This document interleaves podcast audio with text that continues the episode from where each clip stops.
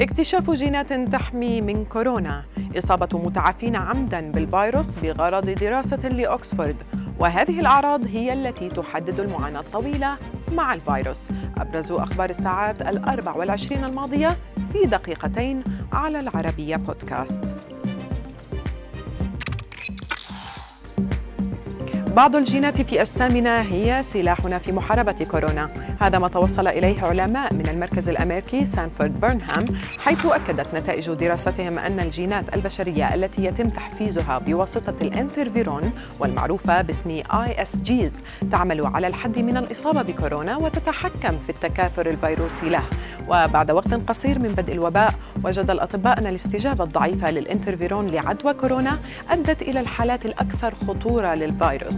وقادت هذه المعرفة الفريق الأمريكي إلى البحث عن الجينات البشرية التي يتم تحفيزها بواسطة الانترفيرون.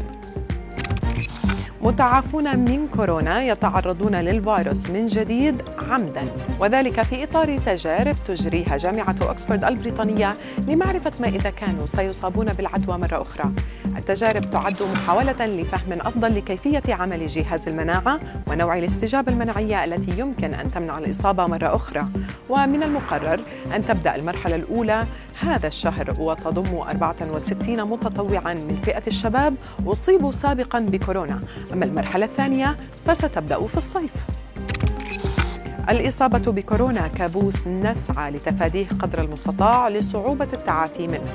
وهنا نتحدث عن حالة كوفيد طويل الأمد. عندما تستمر الأعراض لأسابيع أو شهور بعد الإصابة بالفيروس شديد العدوى.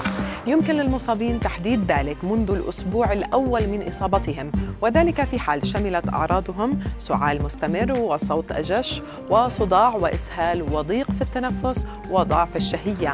وهذه الأعراض تجعل المصاب أكثر عرضة مرتين إلى ثلاث مرات للإصابة بأعراض طويلة المدى بحسب عالم الأوبئة البريطاني تيم سبكتر عادت الهند إلى المربع الأول في الحرب ضد كورونا.